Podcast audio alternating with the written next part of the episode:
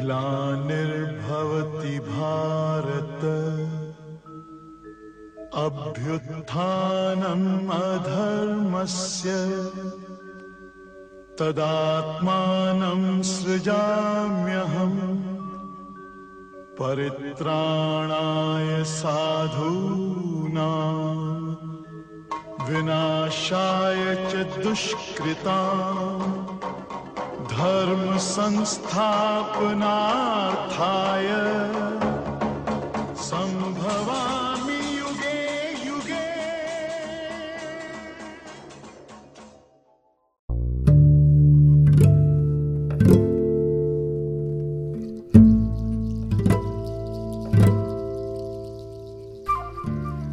Om Swastiastu Sobat Hindu Times kembali lagi dalam podcast Hindu Times episode 31 Nah di episode podcast kali ini kita akan membahas tema yang spesial Karena di studio telah hadir Sri Sriman Ida Waisnawa Pandita Damodar Panditas atau Srila Guru Pandita Memang beliau telah lama menjadi narasumber dalam podcast-podcast Hindu Times Dan beliau selalu berkarunia untuk hadir di Studio 108 Hindu Times. Dan perlu Sobat Hindu Times ketahui bahwa Srila Guru Pandita adalah Ketua Umum ISKCON Indonesia. Jadi beliau adalah Ketua Umum Organisasi Kerohanian Hindu ISKCON Indonesia yang berbeda dengan organisasi ISKCON.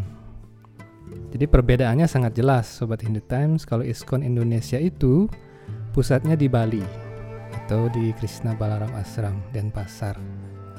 Dan selama bertahun-tahun, Srila Guru Pandita telah mengemban tugas sebagai seorang guru kerohanian dan beliau juga adalah ketua umum dari ISKCON Indonesia. Uh, dan beliau telah mengembangkan uh, pengajaran Hindu Bhakti Yoga ini bahkan hingga ke negeri Baratawarsa atau India. Jadi sangat berbeda sekali dengan organisasi ISKCON yang barangkali Sobat Hindu Times sudah kenal. Ya, jadi dan beliau ini uh, memang adalah uh, seorang guru kerohanian atau acarya dan juga adalah seorang pandita asli Bali dan beliau mengembangkan pengajaran bakti yoga selama bertahun-tahun dan tidak juga meninggalkan budaya Bali yang luhur ini.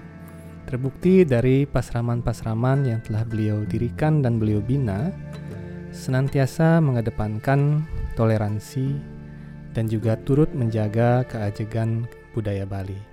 Dan bahkan kabarnya beliau kini sedang membangun pasraman di India dengan gaya Bali dengan menggunakan padmasana dan juga pelinggih-pelinggih untuk mengayat atau untuk memuja Ista Dewata. Nah, inilah keistimewaan dari ISKCON Indonesia. Nah, di dalam Hindu Time Podcast kali ini, uh, topik kita hari ini adalah tentang keberadaan sampradaya dan orang suci dalam agama Hindu. Nah, untuk lebih jelasnya dalam podcast kali ini kita akan langsung mendengar uh, apa yang akan disampaikan oleh Srila Guru Pandita. Om Swastiastu, Srila Guru Pandita. Om Swastiastu. Baik Guru Pandita, topik kita hari ini adalah tentang orang suci dan sampradaya. Ini tampaknya sangat terkait sekali Guru Pandita ya. Eh, jadi terkait dengan isu yang belakangan ini sedang marak eh, tentang sampradaya Guru Pandita, eh, ada yang menganggap bahwa sampradaya akan menghancurkan budaya lokal. Bagaimana menurut Guru Pandita? Sepengetahuan saya dan saya sendiri berkecimpung di dalamnya itu sama sekali tidak seperti itu. Karena sampradaya ini sebenarnya tidak ada sangkut pautnya dengan budaya. Jadi tidak mengarah kepada budaya. Andaikan kita akan mencari air ke sungai begitu. Mengambil air di sungai begitu. Tidak ada urusan dengan ikan-ikan yang ada di sungai. Ikan ya ikan, kita ambil air bukan ambil ikan. Jadi sampradaya itu sebenarnya adalah garis perguruan Hindu atau garis perguruan Weda yang diturunkan Tuhan Tuhan sendiri yang menurunkan. Karena itu Tuhan sendiri yang akan bertanggung jawab untuk memelihara, menjaga melalui orang-orang suci yang diutus. Itu sampradaya. Jadi di mana pun Hindu pasti dasar hukumnya itu beda kan. Entah Hindu dikatakan tradisi ataupun masih apa lokal apalah begitu itu pasti dasar hukumnya beda dan pasti ada campur tangan beda pasti ada tetesan sampradaya di sana jadi sampradaya ini sebenarnya menjurus kepada urusan keinsafan diri jadi urusan atma dengan paramatma kita dengan Tuhan keinsafan diri kesadaran diri hmm, bahwa kita ini sebenarnya insan yang berasal dari Tuhan. Tugas kita adalah mengabdi pada Tuhan untuk mempersiapkan diri menghadapi setelah kematian ini ke mana kita atma ini supaya seperti dikatakan di di dalam Veda itu tujuan beragama Hindu kan moksartam jagat itu ya citi dharma itu. Jadi tujuan moksa itu artinya kita tidak punar bau lagi kan. Ya. Walaupun kita harus mempercayai juga adanya punarbawa tapi bukan punarbawa itu bukan tujuan. Jadi kita harus tidak kembali lagi ke dunia ini begitu. Seperti jelaskan di sini dalam buat kita bab 8 ayat 21 jelaskan avyakto sam ityuktas tam ahuh paramam gatim yang prapya nani vartante tadhama paramam mama. Jadi yang diuraikan sebagai yang tidak terwujud dan tidak pernah gagal oleh para ahli Devedanta dikenal sebagai tujuan tertinggi. Dan sudah mencapai tempat itu seorang tidak kembali lagi itulah tempat tinggalku yang paling tinggi. Jadi tujuan kita beragama itu adalah itu. Seperti kita tujuan kita bekerja untuk mendapatkan uang. Tujuan kita beragama itu adalah bukan untuk nanti bisa tampil di bumi ini. Hebat, kelihatan, dipuji orang, dihormati orang dan mendapat pengikut yang banyak mendapat segala kemewahan bukan itu yang dicari. Atau kita bisa menguasai tradisi suatu budaya sesuatu. Tidak ada hubungan dengan itu. Tujuannya adalah di sini untuk mencapai tempat tinggal itu. Seorang tidak kembali lagi. Itu Borita mengatakan. Jadi itulah tujuan dari sampradaya itu sebenarnya itu kan? Mana saja coba kita lihat sampradaya bahkan apakah siwa sidanta dikatakan tidak sampradaya itu sampradaya juga tuh.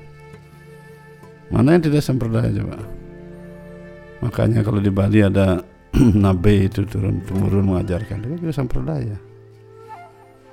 Masa sekarang pendeta yang di Bali sekarang mengada-ada itu mantranya buat-buat sendiri. Ayo kalau misalnya mendiksa juga itu apa namanya upacara diksa misalnya menerima murid begitu sisir apa mengada-ada begitu kan enggak, itu kan itu proses itu tetap ada itu kan masalah penunjang itu kan budaya istilahnya tapi proses diksa itu kan spiritual, sakral. Itu salah satu salah satu masalah. Tapi apa tujuan mereka menjadi pendeta? Coba tanya semua pendeta itu tujuannya apa? Kan bukannya untuk bisa bukan bisa memperlihatnya. Bukan itu, itu hanyalah tugas yang dilakukan sehari-hari. Pasti tujuan untuk kinsapan diri untuk mencapai apa namanya kehidupan rohani yang lebih meningkat lagi sehingga mereka dibatasi dalam segala geraknya kan makanannya dibatasi, geraknya dibatasi kan gitu. Hmm, itu itu itu sampradaya itu seperti itu. Semua Hindu seperti semua Hindu pasti ada sampradayanya. Tidak ada yang tidak ada sampradaya. Kan itu kalau kita tidak paham maksudnya sama dengan sekarang ada bilang kalau ngomong tuh bisi kalau dulu kita bilang kalau bilang penting itu penting kalau sekarang signifikan. Hmm, kita nggak ngerti apa signifikat itu kita anti padahal signifikannya penting gitu Sama dengan sampradaya ini bukan sesuatu yang baru, ini sudah lama di beda. Karena kita saja yang belum mengetahui. Gitu. Jadi sampradaya itu tidak ada urusannya dengan budaya. Jadi tidak ada urusannya dengan budaya itu artinya merubah budaya ini tidak ada seperti itu orang ini urusannya keinsafan diri masalah di dalam hati karena itu bagaimana proses dalam hati itu hmm, khususnya seperti di Brahma Sampradaya di sana mengkhususkan tentang bakti yoga. Karena bakti yoga itu ada sembilan cara bakti yang harus diikuti. Ya itu aja yang diikuti. Itu yang diterapkan. Itu. Karena itu tidak ter tidak terpaku dengan budaya apa yang mana begitu. Itu nanti apa budaya misalnya yang di misalnya apa budaya yang dirubah coba yang Misalnya tari-tarian, kemudian bebantenan dan sebagainya Guru Pandita. itu kita buktikan kita sendiri yang praktek. Selama ini kan kita kita selalu memakai tari-tarian. Apakah tarian Bali, tarian India? Apa pernah ada tarian Bali yang dirubah? Hah? kan tidak ada. Atau tarian India yang dirubah. Ada memang tarian Bali yang mana? Ya itu seperti itu. Misalnya tari Rejang Dewa Rejang Dewa dari oleh tamu lidingan oleh tamu lidingan Nah, ada urusan itu hanya sebuah tambahan untuk ini gitu. Tapi ada juga yang sifatnya sakral seperti Rejang Dewa kadang-kadang kita pakai untuk acara-acara perayaan misalnya untuk pengujian di depan tempat sembahyang itu kan. Arcanamnya begitu. Bantenan misalnya kan Banten itu artinya kan sebenarnya adalah yang dimaksud Banten itu kan sebenarnya wujud persembahan itu yang terdiri dari bunga kan itu buah-buahan dan lain sebagainya kan? Nah itu kan tidak ada masalah. Selama ini kalau kita misalnya mau Banten ya mau Banten kalau kita persembahan ke ke Merajan ya Banten. Kalau persembahan ke ke mana? Misalnya ke tempat arca wigraha ya dengan cara Banten yang seperti itu kemudian kadang-kadang Banten Bali juga dipakai bersama-sama kan. Gebogan apa kita persembahkan pakai kan. Selama ini kan gebogannya ya gebogan bagaimana bentuknya gitu. kadang-kadang ada yang bawa pejati ya pejati kan bentuknya gitu. Jalan sari jalan sari kan ada yang dirubah. Apa kita selalu terlalu banyak kesibukan untuk merubah begitu nih sedangkan itu sudah ada sudah ada aturan seperti itu kita tidak ada kesibukan untuk hal-hal begitu. Artinya terlalu sibuk untuk untuk melakukan seperti itu sedangkan ini untuk keinsapan dirinya tujuan keinsapan ke dalam ini urusan atma ini pekerjaan sangat berat. Jadi tidak menjurus ke sana. Kita sendiri sudah mengalami merasakan tidak ada kegiatan merubah budaya tidak ada kegiatan yang atau misi untuk hal itu begitu. Terlalu berlebihan kalau kita buat seperti itu kan apa yang dirubah? Eh, mungkin yang dimaksud mengubah budaya adalah eh, menurut menurut sebagian orang Guru Pandita. Karena eh, yang mengikuti sampradaya ini kadang-kadang tidak makan daging juga kemudian eh, tidak istilahnya tidak memati-mati begitu Guru Pandita. itu sebenarnya di Bali itu kalau kita belajar sama-sama jujur ya kita orang Bali belajar saya dari kecil saya sudah mendengar kekawin itu sering orang Mekidong di rumah itu. Tempat saya di rumah kan dulu pusat orang Mekidong jadi saya punya orang tua itu jadi penasar itu jadi sudah tahu tentang itu. Itu sebenarnya di Hindu itu sudah ada yang namanya himse ahimse jadi yang makan daging yang tidak makan daging itu sudah ada jurusan masing-masing di India kan juga begitu kan? Ya, ada juga persembahan kalau memuja apa pujaannya misalnya begitu. Kalau misalnya memuja Durga tiap tahun kan mempersembahkan kambing. Itu. Kemudian kalau memuja Sri Krishna ya Bor kita kan jelaskan Patram Puspam Palam Toyam beliau Sri Krishna mintaan seperti itu. Jadi tergantung permintaan tergantung ininya jurusannya. Jadi kalau kita sekarang muja Sri Krishna tidak minta daging beliau. Besok kalau memuja yang lain misalnya yang pemuja yang lain ya mungkin durga misalnya minta misalnya daging kalau memang itu seperti di India kan kita lihat sampai sekarang begitu juga ada. Walaupun dalam kapasitas yang tidak banyak secara umum mereka di India kan tidak mempersembahkan daging. Dan saya juga konsultasi dengan beberapa uh, pendeta di Bali sebenarnya mantra-mantra tidak seperti itu. Itu kan sifatnya kita saja secara alami ingin persembahkan karena kita makan. Tapi ketika ada juga aturan seperti itu misalnya mencaru pakai itu itu kan memang ada aturannya ada ada apa istilahnya itu? Memang ada aturannya tidak mengada-ada gitu. Sembarangan ada, ada aturannya itu. sama seperti di dalam Weda itu jelaskan eh, persembahan korban kuda. Atau di Kurukshetra itu dulu zaman dulu itu kan. Seribu kuda begitu kan. Itu kan persembahkan binatang kan.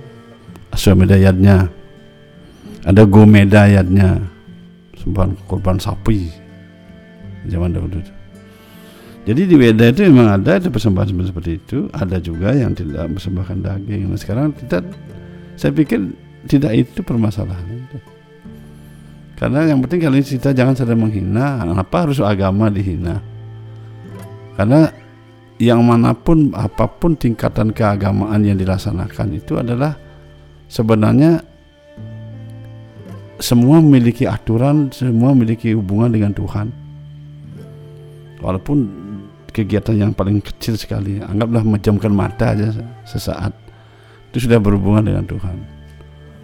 Terus bagaimana dia dengan lagi dengan kegiatan menggunakan sarana prasarana lagi? Karena itu tidak ada satupun orang boleh menyalahkan atau menghina apa yang dia jalani, apa dia yakini. Tentu jangan mengada-ada sendiri, tapi pun mengada-ada pun kita nggak boleh gitu. Yang penting jangan merugikan orang lain kan. Tapi selama ini kan tidak ada yang mengada-ada. Misalnya kita di Bali, kita kita di Bali kan tidak mengada-ada. Apa misalnya mereka mempersembahkan, nah, itu kan semua ada daging misalnya caru apa kan ada manca sate, eke sate itu jelas kan itu kan bukan ada itu sudah tingkatannya kan. Demikian juga yang tidak mempersembahkan daging kan dia juga tidak mengada-ada, memang ada di sebelah sana. Jadi jalurnya sudah ada masing-masing. Seperti kalau kita andaikan begini, hmm, ada aliran sungai, ada aliran eh, kali, ya.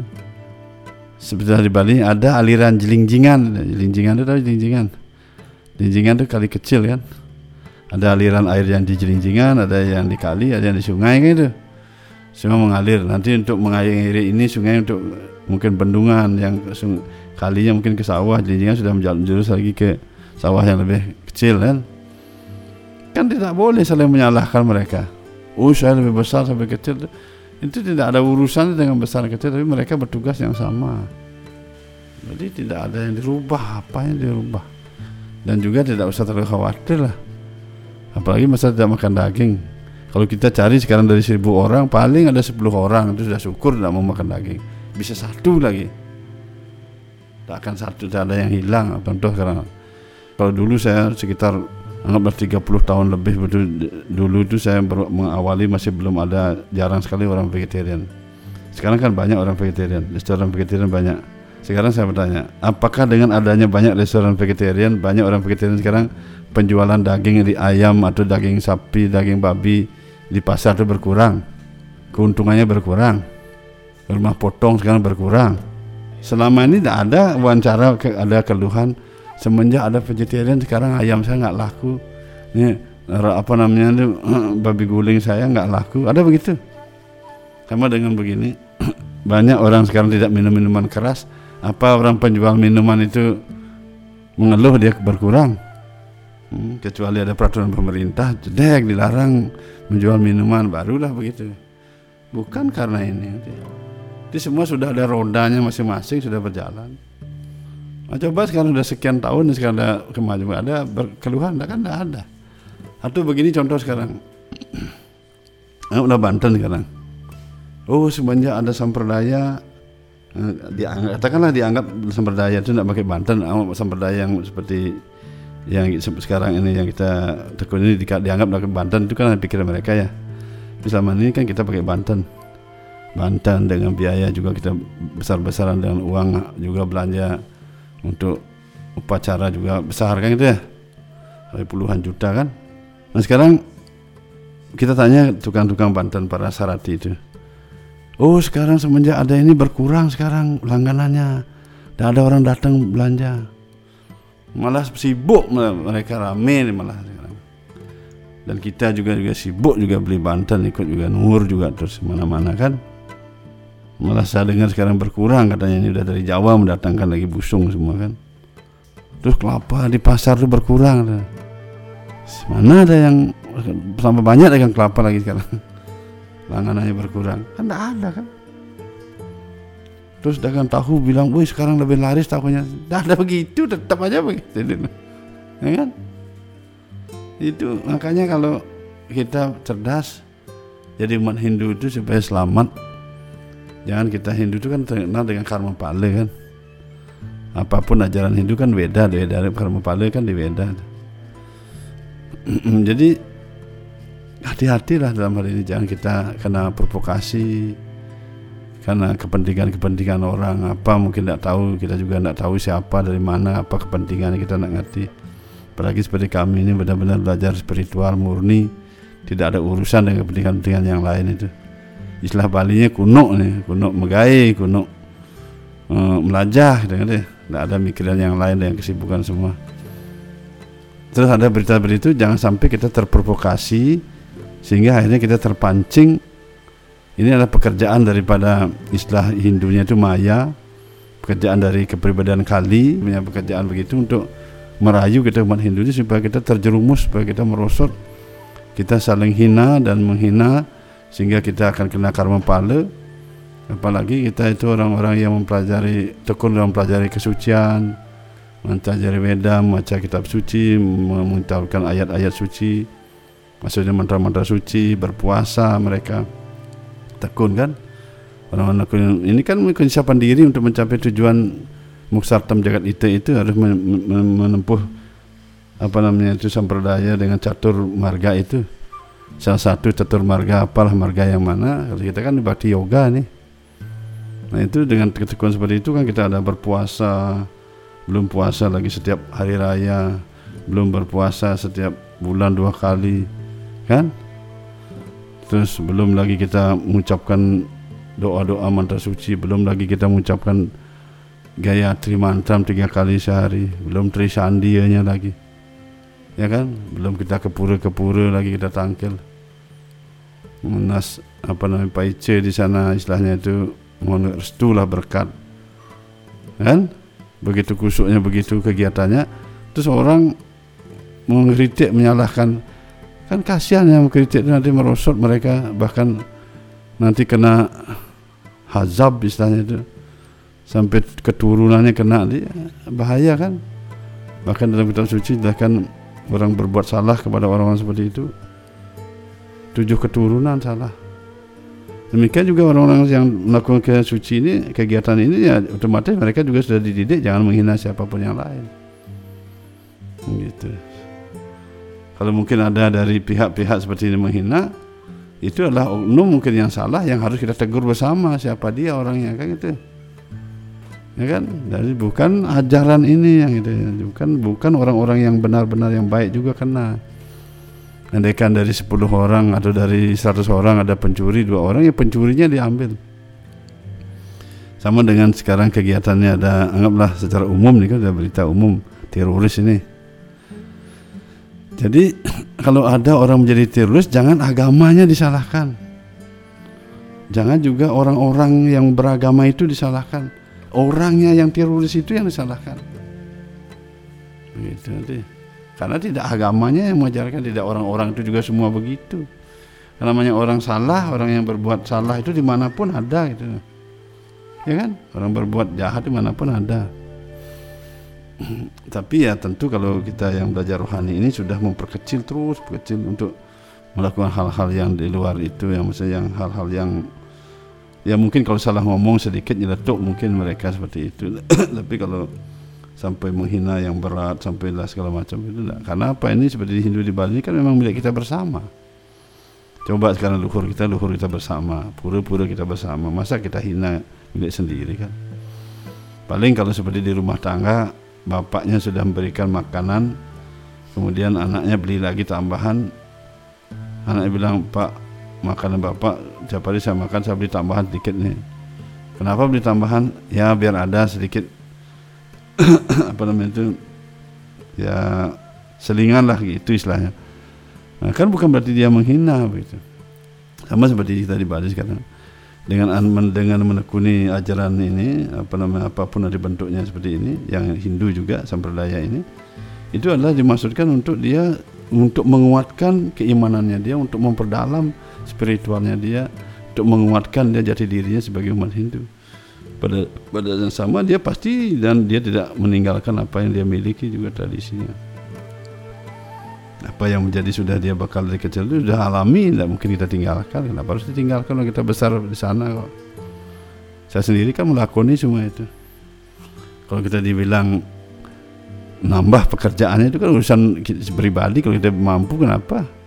Nanti maksudnya kalau kita mampu maksudnya. Dan sekarang kita melakukan juga kegiatan di secara di Bali. Kemudian ada lagi kegiatan di Samperdaya itu kan urusan kita saja kalau kita mampu kenapa? Orang lain yang sibuk kan? Yang penting kan kita tetap jalan. Kita boleh lihat lah di adat di desa di mana. Kan kita tetap tidak ada yang ditinggalkan di Bali ini ini sekarang apakah kita teman yang Bali yang tidak mengikuti juga dia mengikuti kan juga banyak juga yang tidak menjalankan itu kan urusan mereka Nah karena itu sebaiknya sepatutnya jangan kita harus berhati-hati jangan saling menghina satu dengan yang lain, jangan saling menyalahkan ya siapa pun dari mana pun karena itu akan kita dijerumuskan ju- justru oleh Buddha Kali ini. Nah, kita kan setiap tahun naur apa tahun kesanga itu untuk anak Buddha Kali. Itu maksudnya itu ya, ya seperti itu supaya Buddha Kali ini tidak mengganggu kita untuk menjerumuskan kita saling salahkan, saling hina dengan kalau menghina orang wih sepak bolanya nih eh, misalnya klub ini VS klub ini klub ini bagusan jelek itu misalnya. Itu masih masih dianggap wajar itu walaupun itu juga tidak baik. Tapi kalau menjurus menghina ke niskale urusan niskale urusan agama kesucian agama mana pun ajaran mana pun begitu itu sudah berat itu kasusnya nanti. Kita nggak boleh menghina menjelekkan orang. Oh sekarang misalnya begini contoh kita udah beragama kita dengan kitab suci. Kemudian ada orang menyembah sesuatu misalnya siapa yang disembah. Eh, walaupun katanya an- apa begitu eh, tidak pakai kitab suci atau dengan meditasi apalah begitu misalnya mereka kan. Kan ada orang yang sembah apa begitu kan. Kalau kita paham tentang nilai spiritual nilai tentang rohani agama yang kita tekuni kita nggak boleh menyalahkan menghina itu. Hmm, itu itu sudah jalannya orang masing-masing dan mencapai tujuannya mereka. Tidak boleh kita menghina untuk merasa oh saya agama saya itu adalah jin itu apa? Itu bisa tidak boleh. Hindu tidak boleh tidak pernah mengajarkan seperti itu. Agama di Weda tidak pernah mengajarkan begitu. Dia tetap menghargai apa namanya itu tidak kita tidak kalau memang kita nggak suka ya kita tidak tidak turut campur gitu saja. Kita tidak boleh berkata untuk mengatakan menyalahkan menghakimi memponis dia itu salah tapi kalau kegiatannya dia dia merugikan orang lain, misalnya sampai pembunuh, misalnya begitu atau mencuri sampai dan lain sebagainya itu, nah itu lain masalah lagi kan. Tapi kalau orang melakukan kegiatan keyakinan mereka, itu harus dijamin itu. Dan negara kita menjamin juga undang-undang dasar kita menjamin semua kegiatan itu. Jadi kita harus saling menghormati, menghargai. Kalau kita nilai spiritual kita sebagai semakin maju, kita tidak akan menghina kok. Kalau tingkat itu berarti kita gam- lemah, artinya gampang dipengaruhi oleh Buddha Kali tadi ya kita akhirnya menghina dan terjerumus salah akhirnya karma pali kita kena nanti. Hmm, kalau sudah kita sudah istilah Balinya nah no kan gitu ya. Nah ini ketoleh mana gitu. Kalau no ya, nah, ini sudah terjadi sesuatu baru menyadari seperti kita di Bali baru menggerupi duka mohon maaf gitu nanti betari kita salahkan ini kita salahkan itu Padahal kita sendiri yang berbuat salah, berkarma suatu. Bukan hanya sekedar apa, tapi sampai melakukan penghinaan pada orang suci itu. Berat itu. Orang suci, kita suci itu. Makanya di Bali kan sudah ada istilahnya itu Resi Rena kan tuh. Peter Rena, Dewa Rena kan. Ya, demikian.